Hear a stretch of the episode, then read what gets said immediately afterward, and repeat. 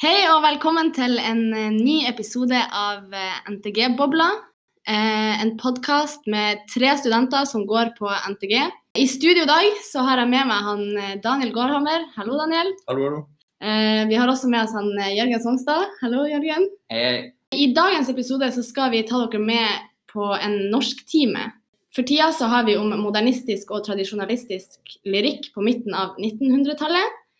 Eh, og vi har da tenkt å ta for oss to forskjellige dikt. Et modernistisk og et tradisjonelt. Jeg vil bare starte med å introdusere dere for tungetalldebatten.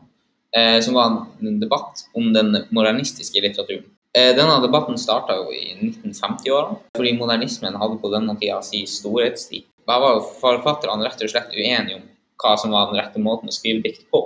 Av en eller annen så vet vi at bl.a. Arnulf Øverland, som for øvrig var på den tradisjonelle siden, sa at dikt i form ikke var lyrikk. Til modernismens forsvar sa Pål Brekke det tradisjonelle formspråket ikke kunne skildre den moderne verdens sannferdig, ifølge Locus. Da går vi i gang med selve analysen av diktene. Eh, vi starta med diktet 'Som i en kinosal'. Ja, det er jo skrevet av Pål Brekke og kom ut i 1965 i diktsamlinga 'Det skjeve smil i rosa'.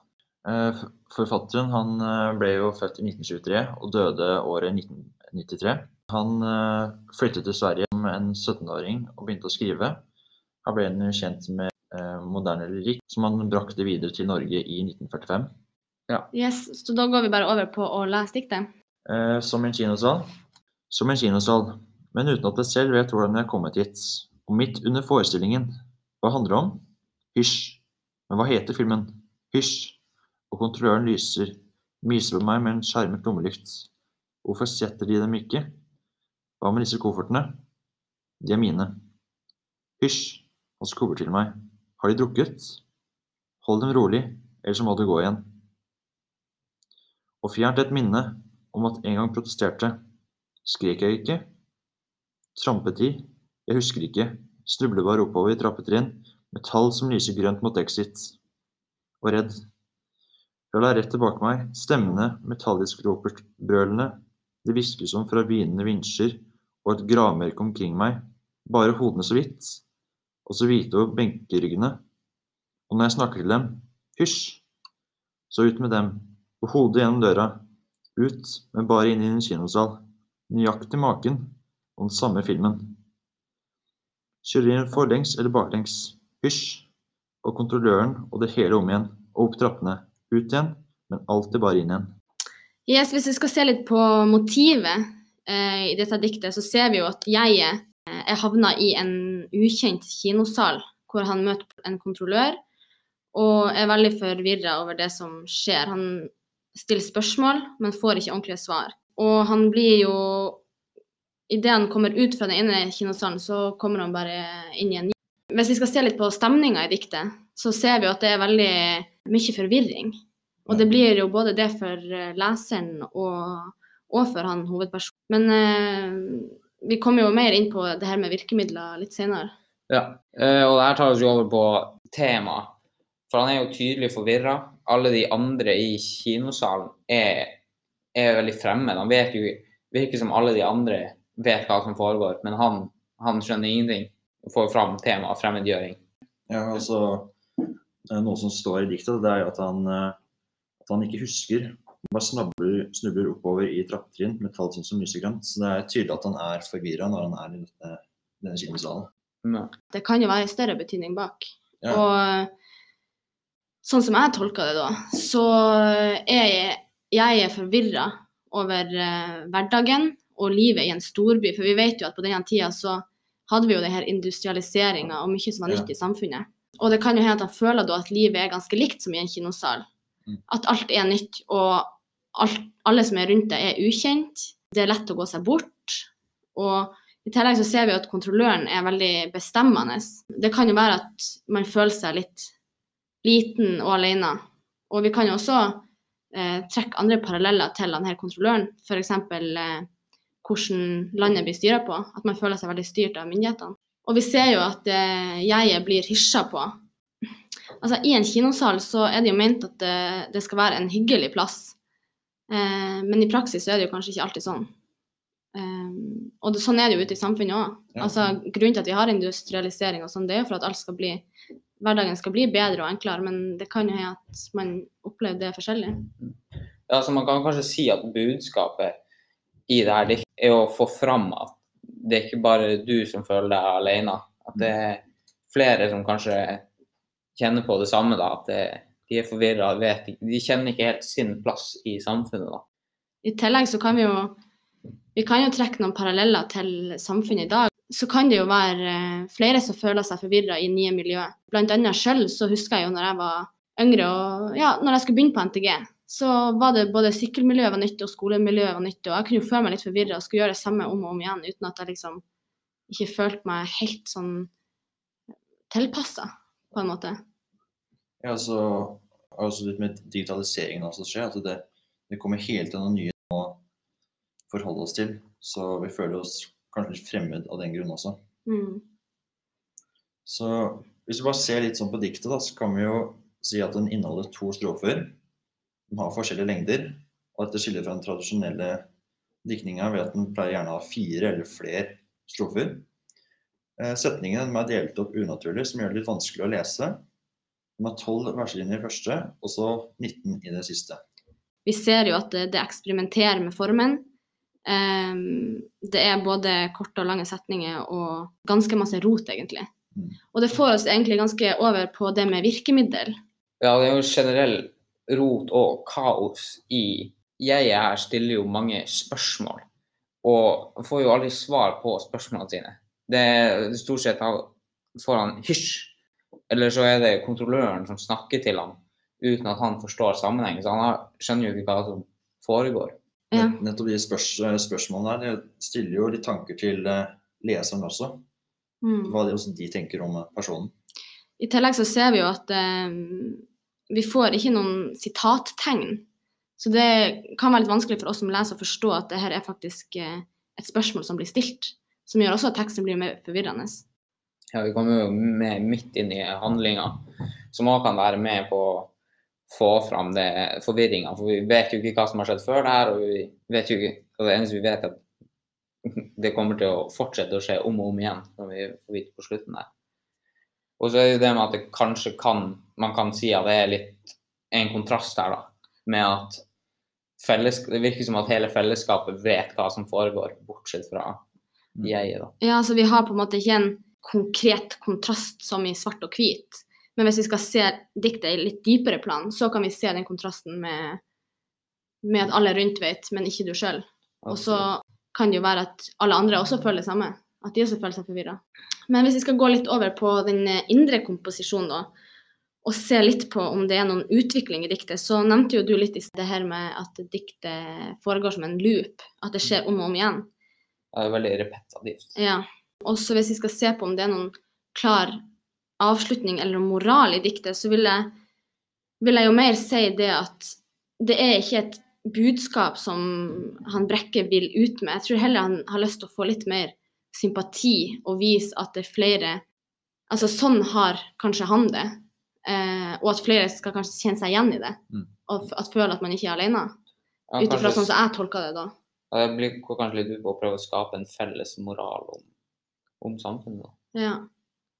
ja. Vi ser jo at dette er et eh, kort. Det handler om et kort øyeblikk. Yes, det var eh, som i en kinosal.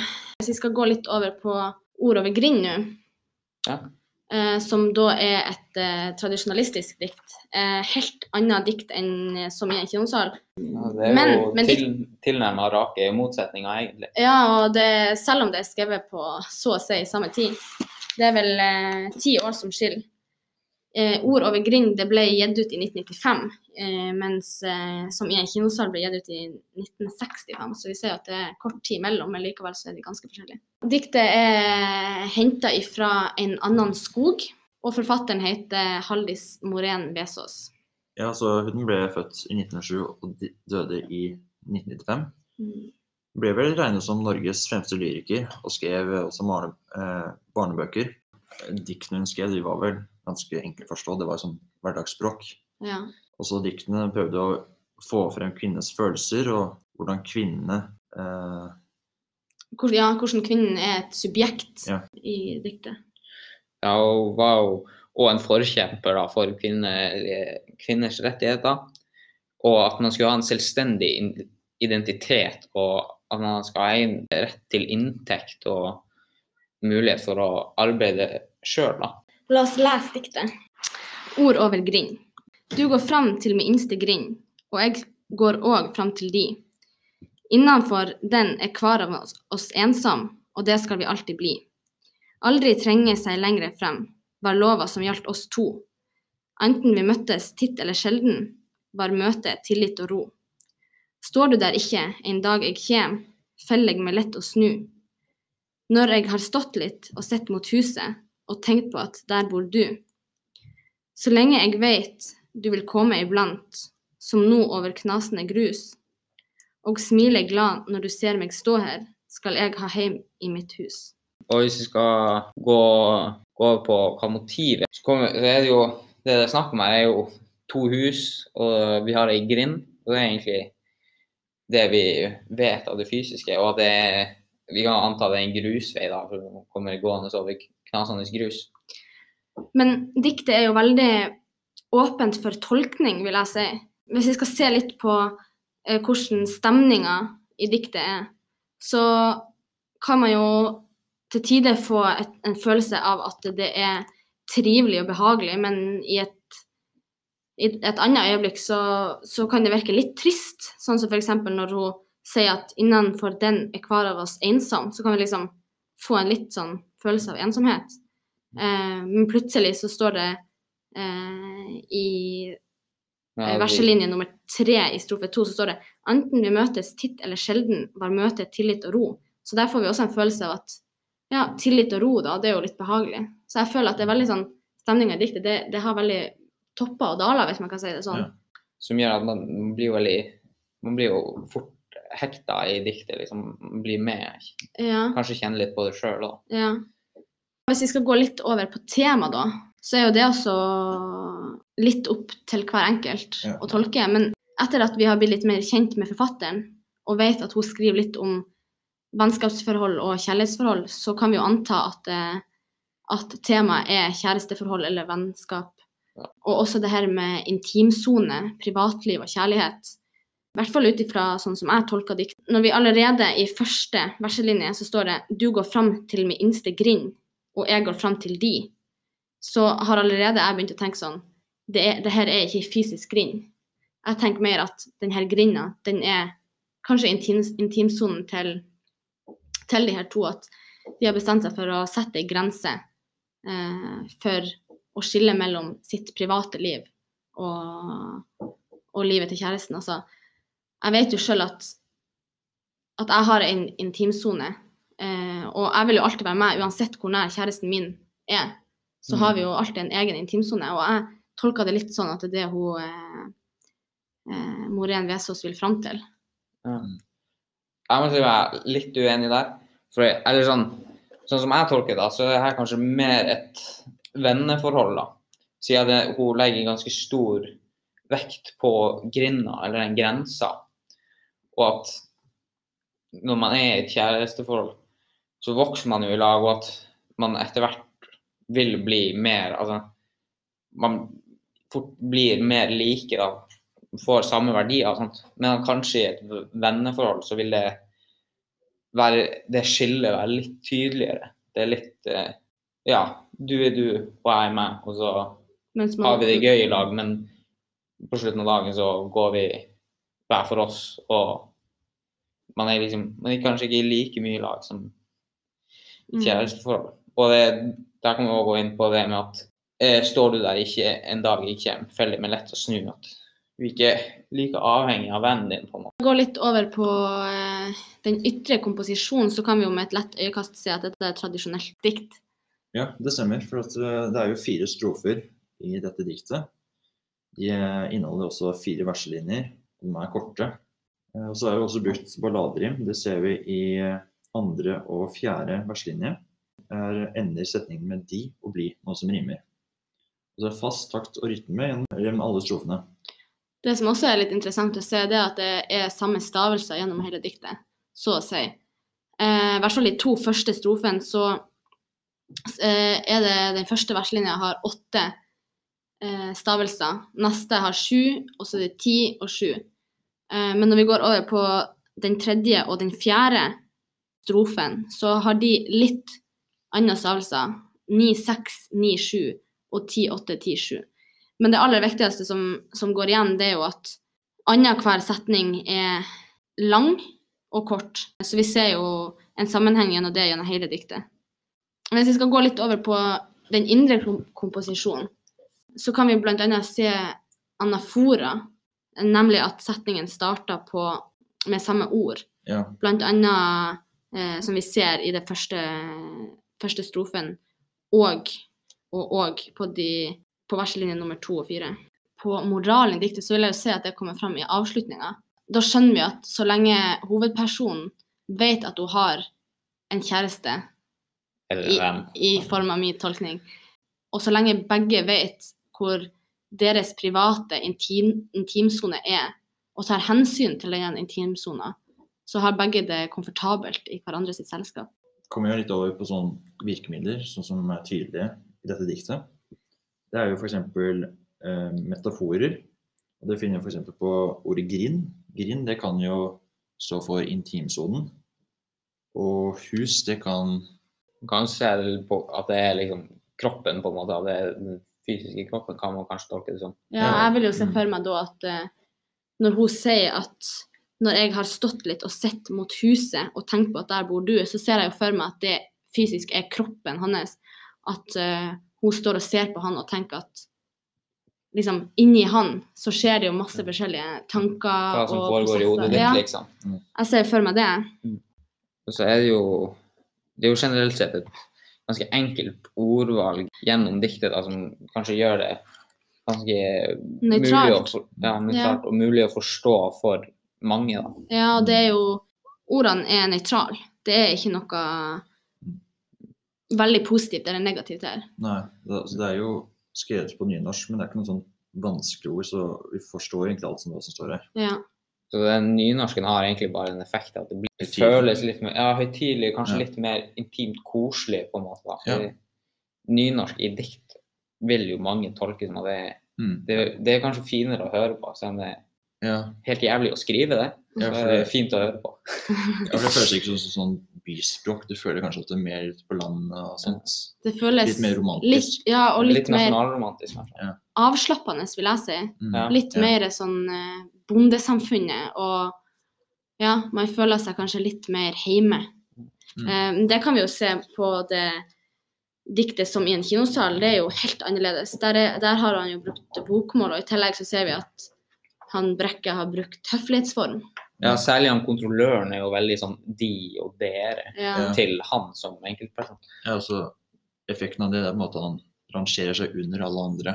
Ja, At Mm, han har sånn lite selvtillit. ja. mens eh, som ord over grind, så vet jeg, jeg får litt sånn her bestemorfølelse av best, Ja. bestemor passer på, liksom. Handling her, altså det, det er jo en utvikling i diktet, da.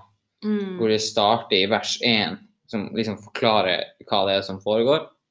Så har vi vers 2, hvor, eh, som forklarer litt mer hvorfor det skjer. Vers 3 er jo, deler jo mer tankene sine rundt eh, det som har skjedd. Og vers 4 drar jo en litt, litt konklusjon, da, på en måte. Ja, eh, men OK, folkens. Nå ser vi at tida begynner å renne litt fra oss her. Eh, kjapt, eh, vil, hva vil, vil dere si at ord over grind har eh, tålt eh, tidens tann? Er det fortsatt dag, dagsaktuelt? Altså, jeg vil jo si at eh, dette diktet er egentlig et dikt som er like aktuelt i dag som når det ble gitt ut. For at jeg føler ikke at den er så prega av eh, kulturhistorisk og litteraturhistorisk sammenheng, annet enn det med at likestillingsloven kom. Eh, så det med at vi har intimsone og venneforhold og kjæresteforhold så, altså, Uansett hvordan tid vi er så jo, vil det jo alltid være sånn at vi har hver sin intimsone og må tørre å sette grenser sjøl. Absolutt. Ja. Men da kan vi vel egentlig oppsummere med at vi har eh, to dikt her som begge representerer eh, ja, tradisjonalismen og modernismen hver for seg veldig bra. Eh, og at begge egentlig har tålt, eh, tålt tida og fortsatt kan være dagsrelevant. Nå må vi avslutte, men vi ses eh, neste uke. Da skal vi snakke om den sjuke intervalløkta vi skal ha på søndag. Takk for nå. Ha det bra. Ha det bra. Ha det.